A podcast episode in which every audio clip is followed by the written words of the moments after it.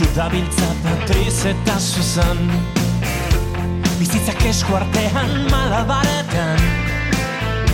Itzuliko nahi zulen hau hemen ez bazara. Lekuak leku ez diren lekuetan Inork ez du sustrairik botatzen lurrean. Aguroz pinduen eta ongi etorrien. Lekuko diran leku ez diran lekuak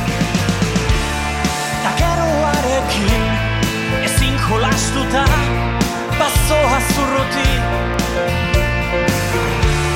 Egun amaigabetan Ez zara nirekin Ametxan zaindari. Lekuak leku ez diren lekuetan zara Ta inork esperantza galdua badauka. Piztu dituzte jada itxasargiak lekuak leku ez diren lekuetan zara Ta denbora mantxo igarotzen bada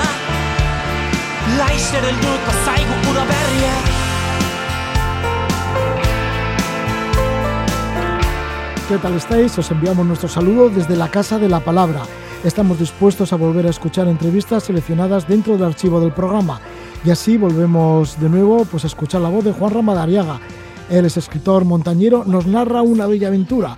Navegó en un velero junto con Alex Chicón a la península antártica, donde ascendieron cumbres casi intocadas. Estuvieron haciendo allí exploración en la Antártida. Ellos partieron en el velero de las Islas Malvinas rumbo hasta la península antártica. Lo escucharemos de parte de Juan Ramadariaga. Y luego estaremos hablando de otra hazaña, la de Antonio de la Rosa, que navegó desde California hasta Hawái en un prototipo de tabla paddle surf. Fue remando, mmm, remando de pies sobre una tabla que llevaba dos pequeñas cabinas. Eh, fueron 76 días en solitario remando por el Océano Pacífico en completa autosuficiencia. Tuvo problemas con las corrientes al salir de la costa en California y estuvo amenazado por los huracanes, pero al final consiguió con éxito su propósito, llegar a Hawái. Y luego pues, nos volveremos de nuevo para las montañas y estaremos con Luis Aurelio González, alpinista asturiano. Hace referencia al trekking de cuatro días por el camino del Inca que llega hasta el santuario de Machu Picchu en Perú. Es una de las excursiones a pie más célebres del mundo. Sin embargo, nos cuenta Luis Aurelio mmm, que no se invierte lo suficiente para mantener el camino en condiciones y los caminantes son numerosos y muchas veces pues está la cosa como bastante masificada. Esto fue en verano de 2019 y así lo encontró. Así encontró el camino del Inca. Este es el contenido de la Casa de la Palabra. Vamos con Juan Madariaga.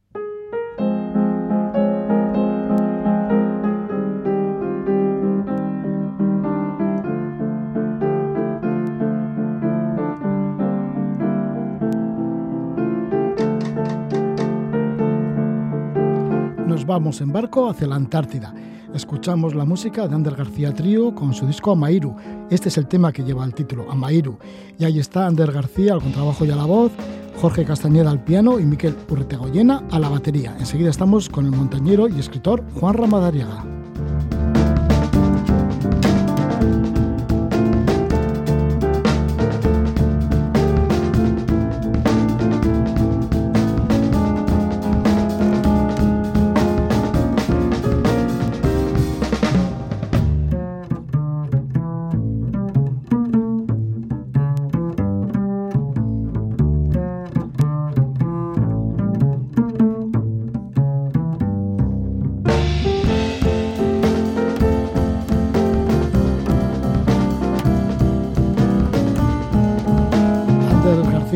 Con música con ritmos basados en la música tradicional vasca. Bueno, pues nos vamos a acercar a la Antártida y si Ale Chicón antes de comenzar su expedición invernal al Everest y sin oxígeno en la que está ahora, pues antes de ello se pasó por la Antártida.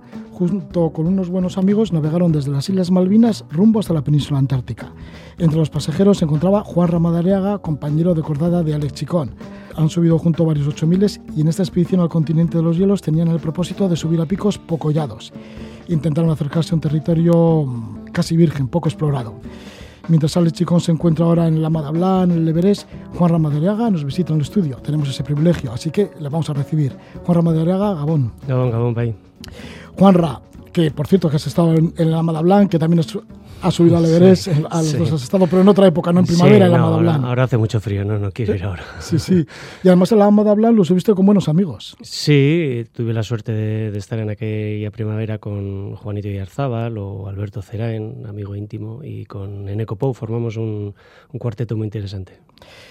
¿Qué referencias llevabais a la Antártida? Vamos a situarnos ya en la Antártida, la última expedición que has participado. Pues bueno, es curioso, claro, si pones Google en Google Antártida y empiezas a mirar eh, por ahí información, obviamente hay poquísima, no hay nada, y eso te indica ya te indica que los lugares que vas a visitar pues eh, realmente están alejados del ser humano y han, han tenido muy pocas visitas. Eh, sobre todo nos, basamos en muchas fotografías, eh, ver mucho paisaje y sobre todo en esas fotografías los montañeros siempre tenemos esa innata tendencia a, dibujar líneas, líneas de, extensión hacia, hacia esas cimas.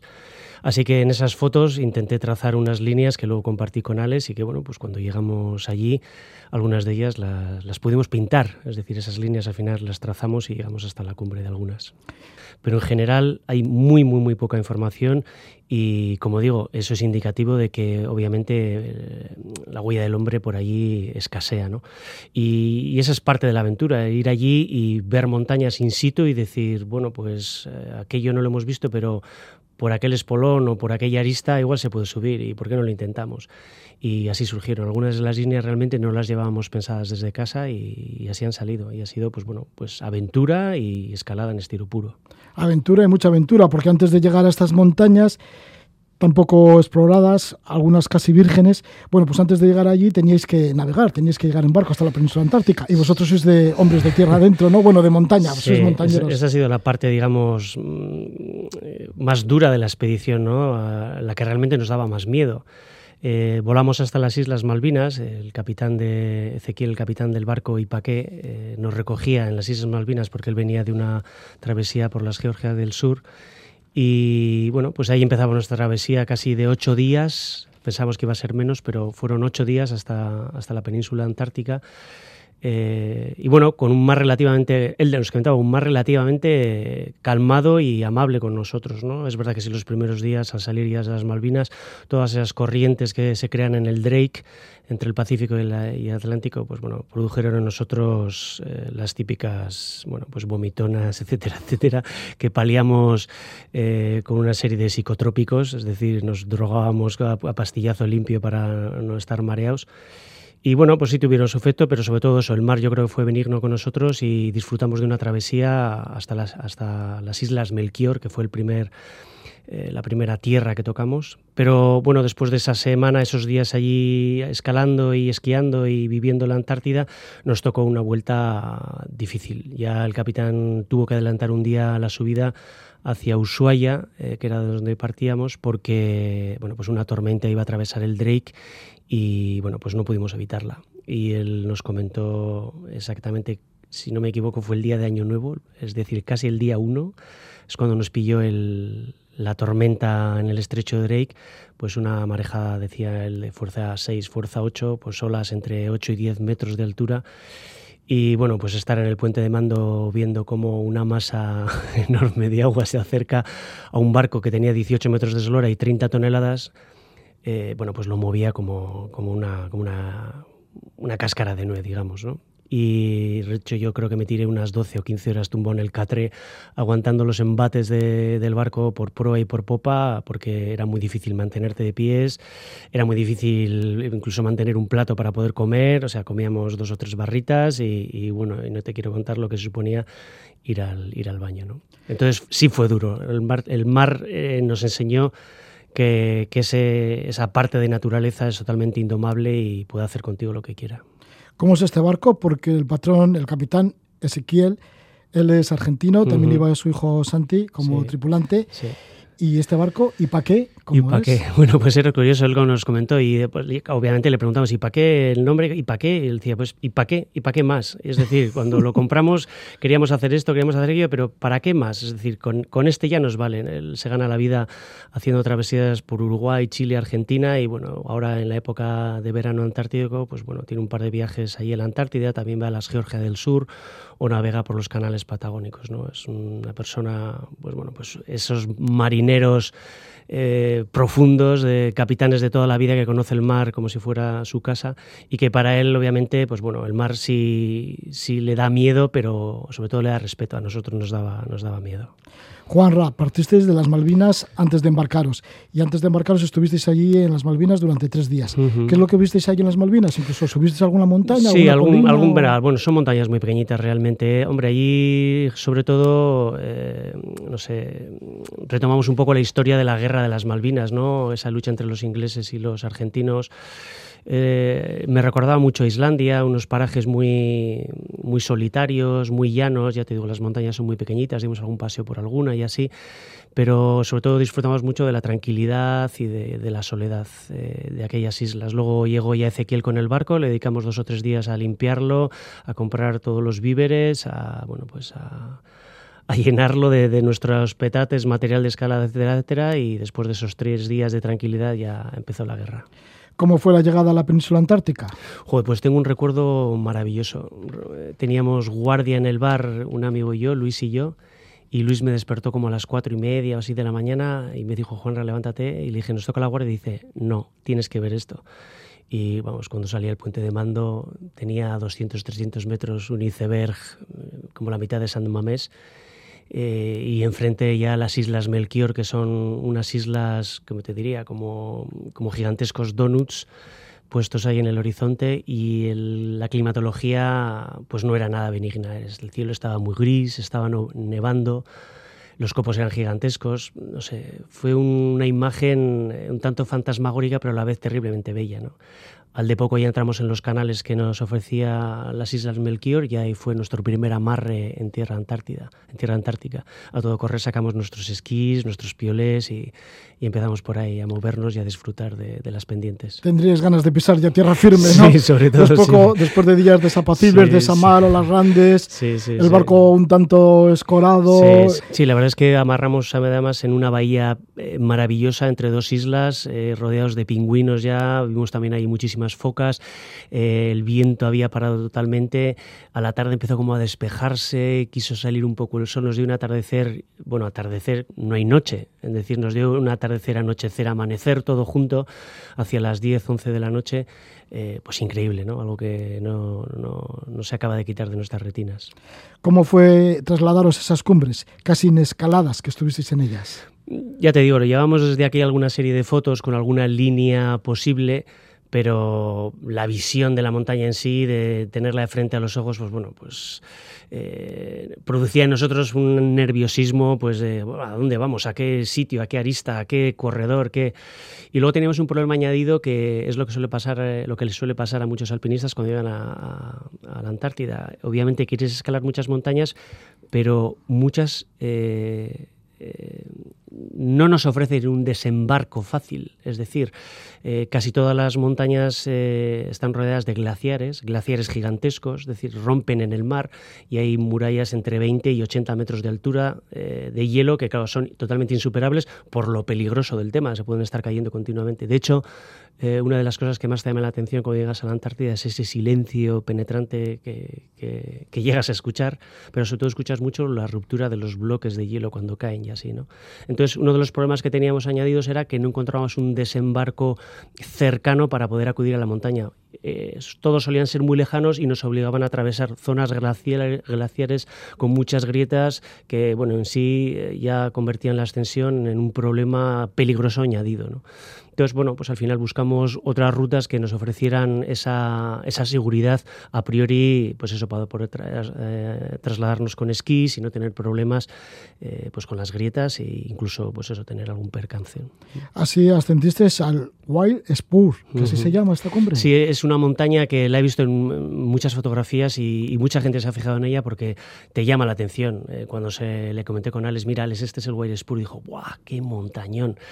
Eh, ya sabes, los alpinistas a veces nos entra por los ojos la belleza de la montaña y quieres ascenderla solamente por, por, por, las líneas que te ofreces, como cuando compras un libro solo por la portada o por las cuatro letras que, que has leído. A veces te llaman así las cosas, igual que la literatura. Eh, esta montaña en concreto nos ofrecía unas líneas muy interesantes, pero también eh, se oponía a nosotros por, por esa cerrazón de sus glaciares. ¿no? Los glaciares nos impedían, hacer, impedían acercarnos y al final accedimos a una ruta quizás un poco más larga por una arista, pero que bueno, al final fue maravillosa, una extensión larga. Estuvimos 18 horas non-stop, sin, pues eso, sin parar, sube y baja, hasta que llegamos a la cima y bueno, fue unos momentos increíbles. Hicimos cima a las 10 y media de la noche y acabamos la ruta, pues eso, en la playa a las 5 y media de la mañana eh, con una luz maravillosa. Diez y media de la noche se veía algo nada. Sí, sí, sí. Aunque allí es el claro, verano, claro, ¿no? es verano y no hay, no hay. Una de las cosas que te llama la atención es que en un mes no hemos visto estrellas. No hemos visto ni una estrella porque en ningún momento llega a ser eh, noche cerrada. Las temperaturas de a la tarde bajaban un poco si hacía mu- mucho viento. Si no hacía viento, la temperatura es constante. Entonces no tienes esa sensación de frío total al atardecer o al amanecer. Sí es verdad que puede hacer algo más, pero mm, no como en Pirineos, no sé, que sales a andar a las 3 de la mañana, a las 4 de la mañana y te hielas y luego a las 10 si te pega el sol, pues hace otra temperatura. ¿no? Allí no, ahí la temperatura es más o menos constante y como digo, no vimos las estrellas en un mes de viaje. Fue algo muy, muy, muy curioso. Además de esta cumbre del Wild Spur, también estuvisteis en otras. Por ejemplo, el Spigot Mm. Sí, esto es un piquillo, digo piquillo porque claro, todas las montañas salen desde, desde el nivel del mar. Eh, en el, en el nos pegamos mil metros de desnivel entre pecho y espalda, pero el, el Spigot Peak, pues bueno, pues tenía 400 metros solo, ¿no? Una ascensión muy bonita, pendientes fuertes, pero bueno, es una ascensión relativamente fácil que, que, bueno, ya ha sido ascendida por más, más montañeros. Pero lo bonito de esta montaña es que te ofrece una panorámica brutal, sobre todo el estrecho de Gerlach, y, bueno, era curioso, por ejemplo, desde la cumbre como veíamos las, las ballenas Yubarta entrando a la, a la, bahía de Orne, donde estábamos amarrados, o como pues, los sifones estaban a 300 o 400 metros vistos desde la cumbre, atravesando las ballenas el, el paso de Gerlach. Eso fue algo, algo increíble. Otra de las cosas que también nos llama mucho la atención respecto a la fauna es que, pues eso, cuando bajábamos esquiando de cualquier montaña, llegábamos hasta la playa, es decir, el único sitio donde te paras con los esquís es en la playa, en el agua. Y, y, lo curioso de, de, estos momentos era que aparecían los pingüinos del agua para vernos, es decir, no tenías que ir a verlos. Ellos eran más curiosos que nosotros y se acercaban los pingüinos papúa eh, o los barbijos se acercaban a ver, a ver qué eras o quién eras. ¿no? Era, era, sí, era una que... sensación muy bonita porque aquí te sientes como el depredador, que todos los animales escapan ante tu presencia. Ahí era al contrario, ¿no? los bichos, esos animales se acercaban a ti a, a, verte, una sensación muy, muy agradable. Ya dirían, ¿qué animal es este más raro, no? Que baja sí. deslizándose en esos, sí. así de esa manera, de las montañas. Y luego os quedó todavía otra montaña más. Sí, hicimos una extensión ahí ya más seria al White Peak, queríamos escalar su espolón oeste, una cumbre pequeñita que no había sido escalada, porque esta montaña es terriblemente atractiva, pero eh, todas las salidas de sus corredores están tapadas por unos hongos de, de, hielo gigantescos. Bueno, de hecho estuvimos escalando bajo un hongo constante de hielo que obviamente piensas que no se va a caer de unos 20 o 30 metros de, techo, ¿no? Era algo, algo increíble. Eh, empezamos con un día muy agradable, escalamos casi 11 largos en hielo potente, 70, 80 grados de, hielo y la última, el último hongo que, nos quedaba para salir hacia el colladito que nos daba paso a la a la cumbre, bueno, pues era una cornisa un tanto desplomada y, y, claro, supongo que por acción del viento el hielo estaba totalmente hueco y podrido y bueno, nos pegamos un par de sustos y, decidimos que tenía que acabar ahí la línea porque obviamente si en la Antártida tienes un accidente, te doblas un tobillo, te partes una pierna, no va a haber absolutamente nada ni nadie que se acerque a salvarte, ¿no? O a, a recogerte. Entonces, bueno, nos lo pensamos y, y la línea acabó allí, fue una extensión también de casi 13 horas sin parar y bueno, pues salimos, alpinísticamente hablando, salimos muy satisfechos. Juan Ray, además de estas ascensiones, también visitasteis un museo que se encuentra allí en la Antártida. Sí, hay una un zona museo bastante, de los antiguos balleneros sí, que iban bastante, allí a cazar ballenas. Es bastante visitado por, por los, los, turistas que llegan allí, de, en otros barcos, se llama Porlo Croy y es, eh, bueno, pues de los primeros lugares, los primeros asentamientos humanos que hubo allí en la Antártida y han decidido mantenerlo tal y como estaba en aquella época, de los años 50. Y podemos ver, pues, pues las, latas de conserva o sus habitaciones o la cocina misma donde cocinaban. Incluso eh, había una pequeña estación meteorológica donde hacían estudios sobre la climatología y una pequeña estación de radio para transmitir eh, todas las noticias. Muy bonito, muy, muy, muy curioso, pero quizás lo más curioso de todo es que estaba rodeado por una colonia terrible de pingüinos papúa y pues bueno, pues los pingüinos habitaban en los bajos de la casa, en los alrededores y tenías que cederles el paso eh, cuando entrábamos a la casa. Ellos eran, tenían prioridad y pasaban por delante de nosotros cuando acudían a sus nidos. Ha sido algo muy, muy, muy increíble. Tiene que ser algo muy increíble y de allí llegas, de la Antártida, Muchísimas gracias por compartir esta experiencia, Juan Ramadariaga. Juan Ramadariaga, que estudió filología vasca, que es autor de varios libros de literatura, ha obtenido varios premios de poesía y paralelamente también es conocido como montañero, como expedicionario pues has estado tanto en los Pirineos como en los Alpes, como en los Andes y en el Himalaya, por ejemplo, has alcanzado el Choyu, el Sisapanma, el Broad Peak, el Everest, el Gansimbrun 1, el Amadablan, en donde está ahora tu compañero de cordada, Alex, Chicón, que va a intentar también la invernal del Everest, sin oxígeno. Y bueno, pues nos has contado esa expedición que has compartido con Alex Chicón y junto también con otros compañeros, que estuvisteis ocho de equipo, más el capitán Ezequiel y el hijo Santi. Sí, sí estuvimos cuatro amigos de... Bueno, también hay que comentar que vino con nosotros Diego Martínez, un fotógrafo de talla internacional, que es el que bueno, se ha encargado de plasmar todas estas imágenes y estas vivencias en, fotografías. ¿no? Vinieron también Maite Rosa, un par de chicas de Asturias, y luego José y Luis, que eran amigos también de Alex de aquí, de Vizcaya. Fuimos un grupo muy agradable, la verdad.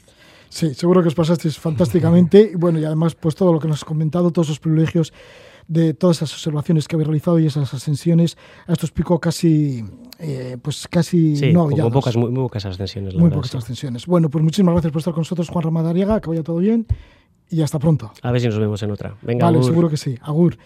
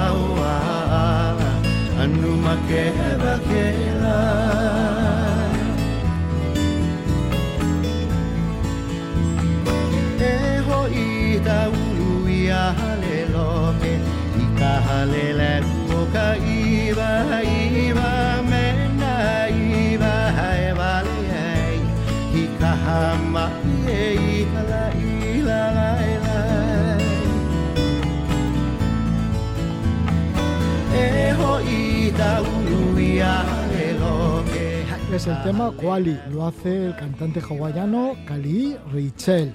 Nos vamos a Hawái y lo vamos a hacer de una forma bastante mm, distinta. Vamos, algo excepcional. Es lo que ha realizado Antonio de la Rosa. Antonio de la Rosa, al que le hemos entrevistado en varias ocasiones, siempre realizando desafíos, ya pueda ser en Alaska o en algunos otros lugares extremos de la Tierra. Y sobre todo últimamente practica el paddle surf. El paddle surf eh, que, por ejemplo, le hizo dar la vuelta a la península ibérica, circunnavegó en paddle surf la península ibérica ya por el año 2018. En el 2017, un año antes, hizo paddle surf a través del Círculo Polar Ártico a lo largo de casi 900 kilómetros en Groenlandia. Y bastante antes, en el año 2014, atravesó el Océano Atlántico a remo, en lo que se llamó el Atlántico Race Guayana a remo, que además ganó esta prueba, una prueba que iba de Dakar a Guayana, a la Guayana francesa. Bueno, pues resulta que en el verano pasado, en el verano de 2019, salió el 1, el perdón, el 9 de junio de 2019 de San Francisco en California con la intención de remar en paddle surf hasta Hawái y lo consiguió. Llegó el 24 de agosto a la isla de Oahu en Hawái después de haber estado navegando, remando en paddle surf, remando sobre una embarcación a pie durante 76 días, 5 horas y 22 minutos. Estamos con Antonio de la Rosa. Bienvenido. Muy buenas noches, Antonio. Hola, buenas noches. ¿Qué tal? Enhorabuena por esto, porque parece un imposible. Esto de cruzar una gran parte del Océano Pacífico desde California hasta Hawái en Paz del Sur, remando a pie. Bueno, sí, eso no parece un imposible, pero bueno, se ha podido hacer, con lo cual no era tan imposible. ya, pero ¿cómo se te ocurre esto? Porque hasta ahora nadie lo había hecho. Ya, la verdad es que, bueno, en, Banco Móvil, eh, a remo, como yo hice el Atlántico, sí que había ya en concreto cuatro personas que habían cruzado el, el Pacífico, pero nadie ni siquiera se lo había planteado en Paddle Surf. Y dije, bueno, pues vamos a intentarlo. Lo que hice fue ponerme en contacto con, con una empresa de fabricación de, barcos, con SRG de Cartagena, y plantearle el proyecto con un ingeniero naval a ver si, si éramos capaces de desarrollar un tipo de embarcación que fuera ligera, de carbono y con la cual yo pudiera, pudiera realizar esta travesía con seguridad. Y bueno, eh, en principio parecía que iba a ser demasiado complejo y no se iba a poder hacer, pero al final, poniéndole un poco por parte de todos y tal, pudimos, pudimos desarrollar esa embarcación eh, con la cual he podido completar esta trayectoria. Sí, ¿cómo es este prototipo para aguantar tantos días en medio del océano y para poder, además de remar a pie, dormir? Bueno, y pues, cocinar, este porque también cocinarías, claro. Sí, también, también. Lo que tienes eh, eh, es una embarcación eh, que en la parte frontal y trasera es un poco más ancha que en el medio. En el medio está diseñada más estrecha para que puedas remar de pie por ambos lados a la vez, ¿no? Puedes cambiar de lado como, eh, como se hace una, en una embarcación de Padel Sur. Si no, no, no podríamos decir que lo hemos usado en Padel Sur, porque si yo al final voy en una embarcación que no es que no pueda remar por los dos lados y tenga que ir por un lado o moverme al otro y tal, pues entonces no tiene sentido, ¿no? Todo lo que hicimos fue darle darle menos menos eslora a esta parte central eh, y darle más anchura en la parte frontal y en la parte trasera, ¿no? Que, que tuviera un poco más de seguridad. Y además, bueno, le metimos una, una orza importante con muchísimo lastre y que me permitía, pues, tener más, más estabilidad en la embarcación. ¿Cómo ha sido el habituallamiento para estar tantos meses, bueno, tantos meses, han sido como alrededor de tres meses, ¿no? Sí, tres 76 meses. días. Sí, sí, 76 días. Bueno, ¿cómo te lo hacías para, para llevar la comida? Porque claro, tampoco tenías, no podías cargar con mucho, con muchos kilos en, en esta embarcación. Claro, yo llevaba comida liofilizada, llevaba aproximadamente 90 kilos de comida liofilizada y bueno, lo que hacía era eh, cocinar, llevaba unos cartuchos de gas y cocinaba con estos cartuchos de gas la comida liofilizada. Llegué a pescar algo incluso, pero bueno, al final el 95% de la comida, comida liofilizada, algo energético, eh, batidos de proteínas también para mantener la fuerza muscular y fundamentalmente esa la, la, media, la manera de alimentarme. Lógicamente en una travesía así pues, pues perdí bastante peso, perdí unos 12 kilos, pero bueno, no, no es demasiado para, para tantos días de navegación. ¿Cómo estabas de vigilante en mitad del Océano Pacífico? Digo, por si vienen temporales, incluso huracanes que suelen azotar de vez en cuando. Eh, yo qué sé, el tema también de los barcos, porque la ruta está de San Francisco a Hawái, seguramente que irán bastantes, bastantes buques. Sí, bueno, al final, claro, la embarcación es una embarcación homologada que tiene su sistema, su sistema de posicionamiento, tiene ese MMSI, el ICE, para poder enviar una posición y poder recibir la posición de, de otras de otras embarcaciones y, y, así, bueno, pues al final tienes que estar atento, tienes que dormir a espacios de una hora, siempre pendiente, llevas eso, ese dispositivo lleva una señal acústica, si, si por un casual estuvieras dormido, eh, pues hace un pitido que te despierta para decirte que hay una embarcación próxima y bueno, llevas la radio VHF con la cual te comunicas si ves que en un momento dado pues corre peligro de colisión o que la embarcación no te ha detectado, aunque normalmente las embarcaciones con las que te cruzas son embarcaciones de mucho más tamaño y, ellos tienen mejores sistemas de comunicación y te ven a la perfección. Pero bueno, hay que estar siempre atento, siempre atento. ¿Y cómo lo haces remando a pie? Para no desviarte y de repente, yo que sé, que las corrientes o que el viento o que tu orientación te lleve a otro lugar que no sea Hawái. Bueno, llevas un timón y, y, llevo unos partes meteorológicos de vientos y corrientes y, y es, al final es ir haciendo cálculos, es un poco matemáticas, ir calculando los rumbos de cada día intentar los días que sabes que vas a poder eh, desviarte más, trabajar más en la navegación y trabajar más en remar más y luego a lo mejor hay días que ves que estás yendo con muy buena trayectoria y esos días aprovechas para descansar un poquito. Aunque los 76 días llegué a remar, pero, pero hay días que, bueno, que a lo mejor si vas bien de trayectoria y de rumbo, eh, pues remas menos y lógicamente cuando esos vientos y corrientes te llevan en otra dirección, pues ahí lo que tienes que hacer es remar y remar hasta volver a posicionar la embarcación. Cuando la corriente va en tu contra, ¿qué es lo que haces? Cuando va la corriente va en contra, pues eso es una decisión difícil, ¿no? Porque cuando va la corriente en contra, remar eh, me ha tocado varios días cerca de California, que la corriente me empujaba hacia la costa, remar mucho para desviarme lo menos posible. De hecho, yo llegué a tener cuatro días en los que eh, esas corrientes me volvían a colocar después de 24 horas, de las cuales a lo mejor había estado 12 o 14 horas remando, volvía a estar en la misma posición, ¿no? Eso es, eso es duro psicológicamente. Porque tú llevas un ancla de capa, pero el ancla de capa te sirve cuando hay viento en contra. Si hay viento en contra, tú lo que haces es echar esa ancla, que es como un paraguas grande, que te sujeta un poquito. Pero si hay corriente, lo único que puedes conseguir con ese ancla de capa es, es incluso ir más rápido en la dirección de la corriente. ¿Qué piensas cuando en la lontananza divisas un huracán o un temporal? Bueno, no pienso nada. Por suerte lo ves mucho antes. si, en la lontananza no iba divisar un, huracán, ya sería, sería muy jodido ya, porque ya lo tendrías muy encima. Eh, lógicamente, hoy día con los sistemas de, de navegación y los partes meteorológicos, ya eso lo puedes lo puedes eh, ver con mucha antelación, lo puedes ver con tres, cuatro días de antelación. Yo no he llegado a tener ningún huracán encima, pero bueno, lo único que hubiera tenido que hacer es prepararme bien, amarrar todo bien, ajustar todo bien, echar el ancla de capa para asegurar el, el territorio y que, y que todo fuera bien, ¿no? Con esta tabla de paddle surf, este prototipo tan especial, ¿alguna vez has surfeado? Digo, que igual alguna ola te venía bien para surfearla. Sí, Sí, he tenido unos días que las olas eran muy favorables y la verdad es que podía ir medio surfeando, sí, he podido disfrutar algunos días de esas olas. Sí, ya ha habido momentos eufóricos, digo, cuando coges una buena ola ya sabes que empiezas a gritar, bueno, te sale del alma un grito, ¿no?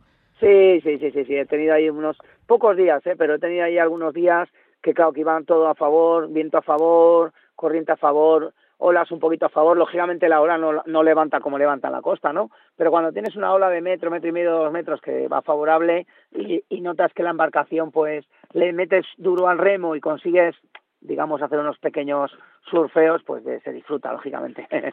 ¿Algunas veces has tenido el síndrome de Robinson? Digo, de esto de estar ahí tan aislado, diciendo, yo, ¿qué hago aquí yo en mitad del Océano Pacífico? Para nada, no, ni un día he tenido, en mi, en mi historial de navegación no he tenido nunca ese día de pensar qué hago aquí o qué tal, ¿no? Porque al final, si estoy ahí es por algo. Yo creo que el primer día que yo piense eso, dejaré de hacer expediciones. ¿Cómo ha sido el día a día? Esto de, por ejemplo, de, de beber el agua, de la higiene, de, bueno, lo que es la vida a bordo, ¿no? Aparte de sí, bueno, la vida a bordo fundamentalmente eso, la, la, noche uno intenta descansar lo máximo posible, a esas escalas de una hora como mucho de sueño seguido, cuando, sobre todo ya en la zona, cuando está ya en el Ecuador, que hace calor ya pronto, intenta remar lo más pronto posible, te levantas, desayunas, yo además llevaba, todos los días estaba haciendo un blog que compartíamos en internet, que tuvo bastante seguimiento, entonces, bueno, pues por las mañanas tenía que responder algunos mensajes para el blog y para, para las redes sociales, y luego en cuanto podía, pues remar, un buen desayuno, remar durante toda la mañana, luego parar, comer, y, y si hace mucho calor, pues aprovecha a lo mejor para dormir algo durante, durante la tarde calurosa dentro con un ventilador para para estar descansado por si luego la noche es compleja. Y luego por la tarde otra, otra remadita, más o menos dividía en cuatro o cinco horas por la mañana, cuatro o cinco por la tarde, esa es la jornada normal. Y luego pues por la noche era cuando ya hablaba con la familia, con los amigos, mandaba esas fotos y esos vídeos eh, por el sistema satelital que llevaba, un sistema satelital de Starlink, gracias al cual tuve pude mandar diariamente bastantes bastantes cosas y tuve una buena repercusión mediática. ¿Te han visitado algunos animales no sé si habrás visto, por supuesto, seguramente que delfines sí, ¿no? Ballenas. Sí, delfines, ballenas, sobre todo las dos primeras semanas. ¿eh? La, toda la navegación cercana a la costa, esa, en esa navegación yo he visto muchos animales. Luego ya, la verdad es que muy poquito. Luego a partir de ahí ya muy poquito. ¿Acompañan estos animales, los delfines y así? Sí, te van acompañando y luego siempre ves pájaros, porque eso es sorprendente, ¿no? Que, que estés, aunque estés a 2.500 kilómetros del punto costero más cercano, siempre hay pájaros, siempre hay aves. Eso sorprende muchísimo en, en los océanos, ¿no? Antonio, ¿cuál es el secreto? ¿Cuál es el consejo que nos puedes dar de una persona, pues eso, que ha cruzado el Océano Pacífico, una parte o una gran parte del Océano Pacífico desde San Francisco hasta Hawái, desde California hasta Hawái? ¿Qué consejos puedes dar para la vida ordinaria? Digo, de, de cómo te has comportado tú mismo para poder llevar a cabo a buen puerto ese desafío. Bueno, lógicamente lo más importante es tener determinación, yo creo, pasión por lo que haces, ilusión, determinación, eso, todo eso que termina en y que son palabras que se usan mucho para motivar a la gente, pues es que es verdad, o sea, si no tienes determinación, si no tienes decisión, coraje, valor, eh, pues no puedes sacar adelante ningún proyecto en la vida, ¿no? Ni este ni ninguno. Entonces eh, tienes que tener eso y además porque en concreto hace hace aproximadamente un mes y medio eh, un, un chino que intentaba hacer hacer la, la travesía, yo creo que tenía esos mismos valores, pero él ha muerto, ha muerto porque ha cometido varios errores que hemos podido analizar. Entonces, no solo te vale con tener valor, coraje, sino que tienes que tener una preparación y una previsión también importante. Llevar una buena embarcación, pero haber hecho una, una previsión y llevar una seguridad y una vigilancia sobre la embarcación eh, fuera de lo normal. O sea, que aunque el día esté plano, plano, plano, tú llevas tu arnés puesto, tu línea de vida y estar siempre atento a todo lo que pueda pasar en, la embarcación, como en la vida, ¿no? ¿Cuáles han sido algunos de esos errores de, de esta persona, del chino? Bueno, el chino en concreto pues no llevaba apenas equipos de comunicación, llevaba solo un teléfono con el cual mandaba una señalización. Entonces, bueno, pues pudo hacer una llamada, le pudieron localizar su posición, pero luego ya no le pudieron volver a localizar. Por suerte le encontraron, no llevaba ningún otro sistema de flotación, eh, no sé, bueno, varios errores que, que hemos podido detectar que, que además no, no llevaba una, una vigilancia, pienso yo, ¿eh? o sea, es una, también una opinión particular y, ya digo que, bueno, que, que la verdad es que todo mi respeto porque demostró mucho valor, coraje, pero bueno, es una persona que ya la habían tenido que rescatar en tres ocasiones, que, que no que intentó llegar a Hawái en esas tres ocasiones y una vez se pasó por abajo, otra vez se pasó por arriba, o sea, yo creo que y, yo creo que fundamentalmente es por, por la, el exceso de confianza, que es el que te lleva a veces a cometer errores y parece que somos inmortales, ¿no? Y las personas no somos inmortales. Esos errores puedes tener suerte y que no te, que no te causen eh, nada malo, pero puedes tener la mala suerte y si se junta la mala suerte, se le juntó mal tiempo y se le juntó posiblemente algún error de este tipo y al final pues tuvo esa, esa desgracia, eh, desapareció, han encontrado la embarcación y han encontrado la balsa salvavidas, pero él no ha aparecido. Antonio, además de, ese desafío deportivo, también estaba demostrar o demostrar el problema del océano con los plásticos. Por eso también has hecho esta travesía, ¿no? De California a Hawái. Sí, efectivamente, claro. Yo quería también mostrar en la medida de lo que, que yo pudiera Uh, por eso también ese trabajo importante de redes sociales y de estar comunicándome diariamente y poniendo esos posts diarios era bueno pues mostrar todo lo que me pudiera yo encontrar no ya sabemos que esa gran isla de la que todo el mundo habla que está en el Pacífico, que esas grandes islas las hay en todos los océanos, en los cinco océanos, porque se, se provocan por las corrientes circulares que hay en los océanos. Pero bueno, lo que más me sorprendió, por eso mismo, perdón, en la embarcación le pusimos ese Ocean Defender y llevaba un eslogan importante de Save the Ocean, no nets, no, no radis, que no, que no haya basura, no plásticos, intentar ahora no decir vamos a hacer algo por por no por no tener plástico sino mostrar que hay que hacerlo de verdad no no vale con ahora hay mucha mucha gente que se está apuntando al tanto y diciendo que que, que, que tengo una fundación, que tengo esto y lo otro, pero lo que hay que hacer es hacer algo real. Y yo lo que pude es mostrar, pues bueno, en concreto la, la cantidad de redes, que me sorprendió mucho, la cantidad de redes de pesca que te encuentras flotando. Prácticamente todos los días yo me encontré redes de pesca, que lo que más te sorprende en este caso, y por lo menos a mí, es que, que, joder, que, la, que la gente, eh, esas redes son de la gente que vive del océano, ¿no? De la propia gente que vive de la pesca, es la que más está contaminando, en concreto con esas redes y sogas y maromas que yo me he encontrado casi a diario. Sorprende mucho, pero bueno, es lo que hay. Vamos a ver si conseguimos entre todos concienciar y, y hacer esa defensa de los océanos y defensa de las tierras para, para tener un futuro mejor para todos. Antonio, y finalmente, ¿cómo fue ese desembarco en la isla de Oahu, en Hawái, una vez que ya terminaste la travesía de 76 días, que lo hiciste en eso, en 76 días, 5 horas y 22 minutos? Porque el desembarco en Hawái resulta fácil, digo, por las grandes olas que dicen que, siempre hay en Hawái, que de eso tiene fama. Sí, no es nada no es nada fácil, es una costa muy complicada, muy escarpada. Yo lo que hice fue entrar en la parte sur de la isla, que siempre está más protegida por, por los volcanes que hay en el centro de la isla, y entré precisamente ahí al, lado de, de, Honolulu, hay, una, hay un, un pequeño puerto, el Jazz Club de Waikiki, al lado de la playa de Waikiki, y es ahí donde decidí entrar. Lógicamente, como todas las aproximaciones a costa, eh, pues son complicadas, ¿no? Y más con una embarcación que no tienes un motor para en un momento dado de oleaje, de rocas, meterle fuerza. Entonces yo tuve que preparar muy bien esa, esa entrada a costa, analizar todos los todos los imprevistos que me podían surgir para, para conseguir llegar y bueno, la verdad es que conseguí entrar por mis medios, eh, yo solo poner el pie a tierra sin necesitar ningún tipo de ayuda, que era el objetivo. ¿Cómo fue el contacto con las personas después de tantos días sin, bueno, hablar sí que has hablado, ¿no? sí, hablar he hablado mucho, claro, pero bueno, el contacto personal, pues muy bien, hombre, ya te apetece ver a la gente, saludar, tocar a las personas, ¿no? Siempre, siempre es agradable volver otra vez a, la rutina. Sí, sí. ¿Y cuál es el blog? Ese blog que ha sido escribiendo. Sí, AntonioDeLaRosa.net. Ahí la gente puede ver y bueno, y lógicamente por las redes sociales donde diariamente hemos ido poniendo fotos y vídeos de, esta expedición. Bueno, pues ahí está, AntonioDeLaRosa.net. Muchísimas gracias, Antonio de la Rosa, por habernos hablado de esta larga travesía que ha realizado desde San Francisco, en California, hasta llegar a la isla de Oahu, a la playa de Waikiki, en Hawái una travesía que eso, que te ha llevado pues esos 76 días y 5 horas y 22 minutos. Una travesía que has hecho del Pacífico, de una gran parte del Pacífico. Anteriormente recordemos que también hiciste ya remando de manera convencional en, en una embarcación cuando hiciste el Atlántico Reyes Guayana a remo en 2014, que te llevó desde Dakar, en Senegal, hasta la Guayana francesa.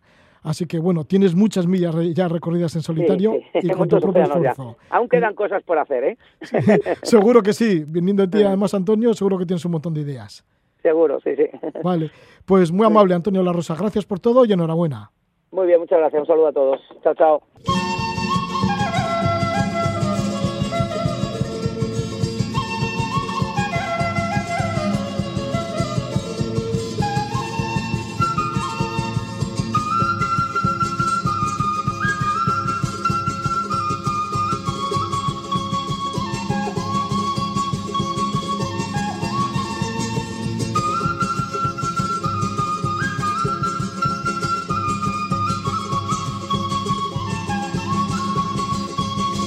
Está sonando el grupo peruano andino Inca Quenas.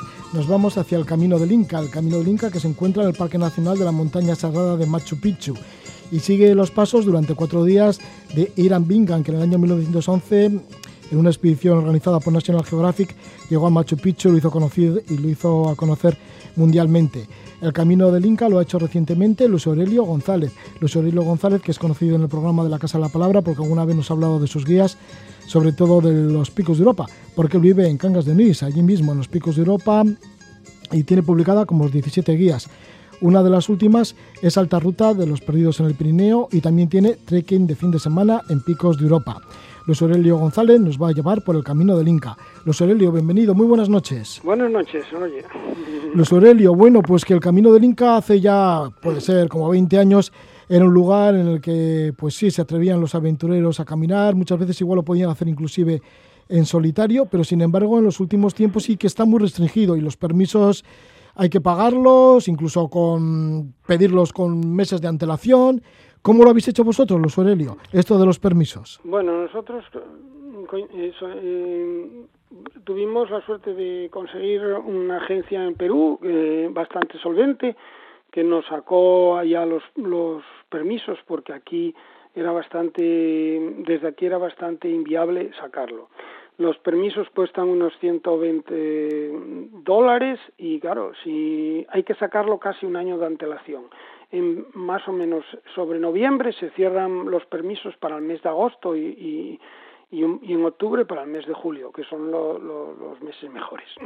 ¿Cómo está de restringido a los caminantes? Porque no se puede ir masivamente o sí. Mm. Hay una restricción. solo pueden entrar 200, para entendernos, 200 turistas y unos tres, y 300 porteadores, entendiendo que por cada, mm, por cada turista hay que, tienen que ir mínimo dos porteadores, aparte después un, un, un cocinero y un, y un guía, ¿no? Eh, pero mínimo son dos, dos porteadores por, por turista para llevar toda la infraestructura de, de, del campamento. En total, ¿cuánto te pueden salir esos cuatro días de caminata de este trekking por el camino del Inca? Digo, mm. con los permisos, más luego los portadores, el cocinero, mm. que habrá que pagar también para entrar a Machu Picchu. si quieres subir al Machu Picchu, que entonces serían más o menos cinco días de, de, de caminatas, Mm, te podría salir eh, por 600 euros. Mm, allá, eh, a Marte, pasajes y, hoteles en Cuzco, etcétera. ¿Cómo es el suelo? ¿Cómo es el camino del camino del Inca? Bueno, está prácticamente tallado en roca, ahí podríamos decir con precipicios a un lado y a otro, con muchas escaleras, eso sí, hay que ir preparado para las escaleras, ya que los incas no conocían la rueda, pues eh, todo se hacía a lomo de, persona y, las, las grandes subidas y los grandes niveles se hacen por escaleras. ¿Los servicios compensan por lo que se paga? Digo, porque el campamento, una vez que llegáis cada una de las jornadas, los baños, ¿cómo están? Hay que reconocer que, que, el gobierno peruano hoy día lo que está es sacando mucho dinero de, de, de, Machu Picchu, pero no invierte nada. Incluso los propios peruanos que están allí trabajando lo reconocen y los eh, no puedes, eh, los servicios están, porque prácticamente durante todo el camino, como hay gente y, no se puede uno salir de él, es, no se puede casi hacer eh, en la montaña tus necesidades y los servicios están absolutamente eh, inefables, es decir, no, no, no se limpian habitualmente, eh, si acaso alguna, algunos porteadores lo pueden limpiar, etcétera, etcétera, y mm, son, es, podríamos decir, el, el aspecto más negativo que yo encuentro de, de este maravilloso trekking. ¿Y esos 200 caminantes que pueden entrar, qué es por día? Sí, son 200 por día y más los 300 acompañantes, es decir, porteadores y guías, en total son 500, como son cuatro días, en el camino puede haber un total de presión de 2.000 personas. Así que luego en los baños se acumula la gente. Claro, 2.000 personas, pues imagínate, en, en, los, en los campamentos, pues eh, aunque haya, no, no es un campamento, hay más de campamentos que días, ¿no? Pero, pero, pero bueno, se, se acumula de una forma porque Em, a lo mejor entre cuando empieza una zona de acampada hasta que termina pasas cuatro o cinco eh, zonas de acampadas para, para lo que es una jornada, ¿entiendes? Porque, claro, tampoco hay una zona, podríamos decir, de pradera en la que se pudiese acampar, sino que son pequeñas zonas mm, hechas de alguna forma con aterrenando el terreno con, con, con una especie de escalones, como hacen los casi lo, lo, más o menos la agricultura inca, pues algo parecido, ¿no? Para hacer los, los, mm, los campamentos. Sí, porque lo que llama la atención también en el camino, llamará bastante la atención, es como los incas cultivaban ¿no? en esas terrazas agrícolas que suben y eh, suben a miles de metros. Lo, el camino no es un camino, mm, aparte de, de, ser un camino, podríamos decir, paisajístico, tiene su paisaje, tiene su natural, eh, tiene también su zona de, de selva, tiene flora, fauna, pero aparte es un camino histórico y por lo tanto vas a encontrar un montón de restos arqueológicos. Lo importante es ir eh, mm, viendo pues lo que era todo el, la, el sistema inca de, de, de, dominación y hay que yo creo que es un, un viaje que te requiere lecturas antes y lecturas a posterior aparte de la preparación casi un año antes del propio del propio viaje. En el camino inca hay vistas, pues eso, a canales de agua que construían los los incas, por supuesto, a las terrazas agrícolas, uh -huh. a fortificaciones. Sí, o sea que hay muchos restos arqueológicos que, sí, se, pueden, sí, arqueológicos, que se pueden observar. Los restos arqueológicos eh, lo, en los cuatro días se van a encontrar. Va a haber también zonas que ellos utilizaban de descanso, porque el camino del Inca era un cami el camino que utilizaba la aristocracia para subir a, al lugar sagrado de Machu Picchu. No era un camino que utilizasen todos los incas, era un camino que ya en aquella época estaba también restringido y restringido solo a las clases superiores. Inclusive hay observatorios astronómicos que utilizaban sí, los incas sí. con su culto al sol. Claro, sí, sí, hay, hay un, una zona que es un, un, observatorio astronómico. Bueno, eso dice, eso comentan la, la, las investigaciones arqueológicas y hay, hay, de todo un poco, sí. Mm, la verdad va, se, encuentra un poco de todo lo que eran lo, lo, lo, lo que era la vida de los incas, ¿no? En lo que ellos hacían más referencia, más, más más influencia, la, el, la agricultura con su zona de terrazas, pues los cultos al sol porque ellos sobre todo tenían unos estudios sobre, sobre astronomía y sobre cuestiones solares impresionantes y todo eso sí se va encontrando a lo largo de, de todo el camino. ¿Cuál es el momento más épico de esos cuatro días de caminata hacia Machu Picchu por el camino del Inca? Hombre, creo que el momento más épico para mí es cuando mmm, a las 7 de la mañana llegas a lo, sueles llegar sobre las 7 de la mañana a lo que llaman la Puerta del Sol. Es una, una zona con piedras en la que hay una abertura, en la que daría paso a lo que sería y vista a lo que es el, el, el Machu Picchu al fondo. Empiezan a dar encima los primeros rayos del sol sobre, sobre Machu Picchu y es algo que es un momento, podríamos decir que místico. No me gusta utilizar la palabra, bueno, tal, pero bueno, es un momento que, bueno, verdaderamente sí, mereció la pena todo esto, todo este camino y, y, entrar por aquí y no entrar por, por los autobuses de Aguascalientes, por donde entran todos los turistas y a hacer colas, ¿no? Entonces sí que es algo para mí maravilloso ese, ese momento. Este misticismo se rompe cuando llegan ya todos los autobuses, cuando ya estás tú ya has llegado por, adelantado a Machu Picchu, pero luego llegan ya las horas de turistas. Vuelve, eh, llega a la realidad, que es que a partir de las 8 de la mañana empiezan a subir los, los, autobuses y, y empiezan a llegar las 7.000 personas que tiene como carga máxima durante todo el día, pues, pues Machu Picchu. Todos queremos ir, Mm, el problema es que se está restringiendo a base de, de subir precios y de y se está restringiendo por pues por la, por lo económico. Entonces quien puede pagar puede ir y quien no puede pagar pues se quedará sin ir. Ese es el problema de que cualquier restricciones que estamos viendo en la montaña o otros tipos siempre nos lleva a lo mismo no sí restricciones pero por lo visto por lo que comentas en el caso de los baños a pesar de que se paga luego no compensa. No, no, compensa. Porque no están en buenas condiciones esos baños. Compensa, no, lo, que no, eh, a ellos sí les compensa, lo que no nos compensa Económicamente. A los, a, los, caminantes, de, llegar allí y se te quitan hasta las ganas, verdaderamente, pero bueno, es así.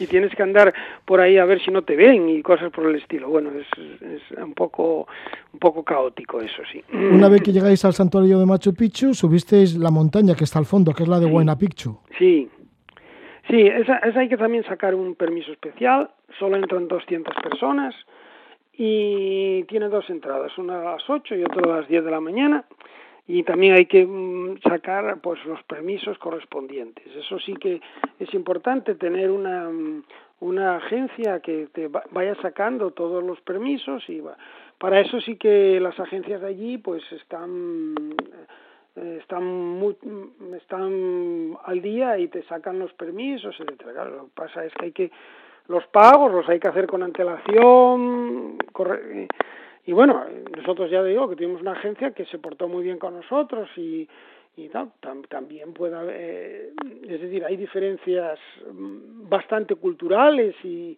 y hay veces que incluso quieren que vayas allá con el dinero y cosas por el estilo que, que, que no puede ser, que tienes que muchas veces decir, oye, no, hay que hacer transferencias y tal, pero bueno, nosotros tengo que decir que tuvimos una, una dimos con una buena agencia. Sé otra gente que tuvo algún problemilla, problemas y tal, pero eso es una de las cosas que puede hacerte que el, que el viaje sea venturoso o, menos venturoso, eso, es claro. Muchas gracias Luis Aurelio González por habernos informado desde Cangas de Onís, en los picos de Europa en donde vives, de lo que es el camino del Inca, esos cuatro días caminando hacia el santuario sagrado de Machu Picchu. Que vaya todo muy bien, Luis Aurelio, en Picos de Europa. Muchas gracias a vosotros por tenerme en cuenta. Las impresiones del alpinista asturiano Luis Aurelio González sobre el camino del Inca esto lo hizo en verano de 2019, así que ha podido cambiar la situación. Nosotros nos vamos, lo hacemos con la música de Philip Brothers con el tema Jazz on the Autobahn. Que disfrutéis mucho de la noche, que vaya bien.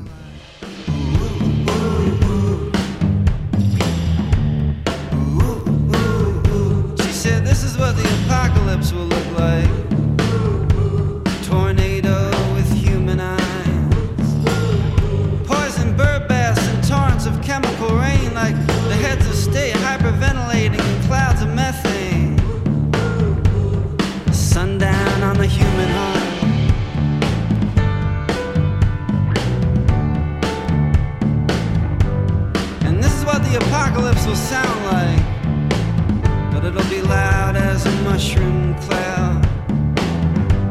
It'll sound like Final Jeopardy, but somehow be ghostly like a glockenspiel, like the testing of bombs or the tapping of stiletto heels. It'll sound like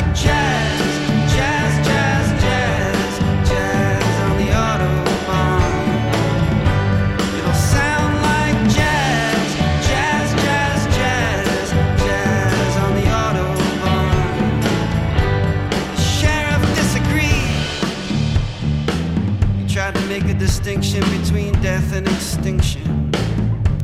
They stopped off at a place called Hamburger Heaven to grab a bite to eat, but Helen had no appetite. She just drank a 7 Up while the sheriff tapped his coffee cup to a distant beat, kinda like.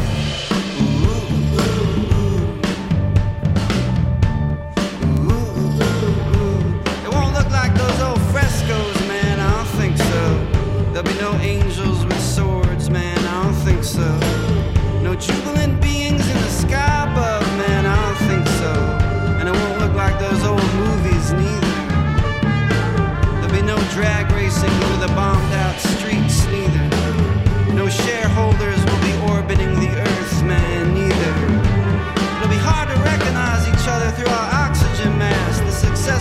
of businessmen will set their desks on fire while five-star generals of the free world weep in the oil-choked tide.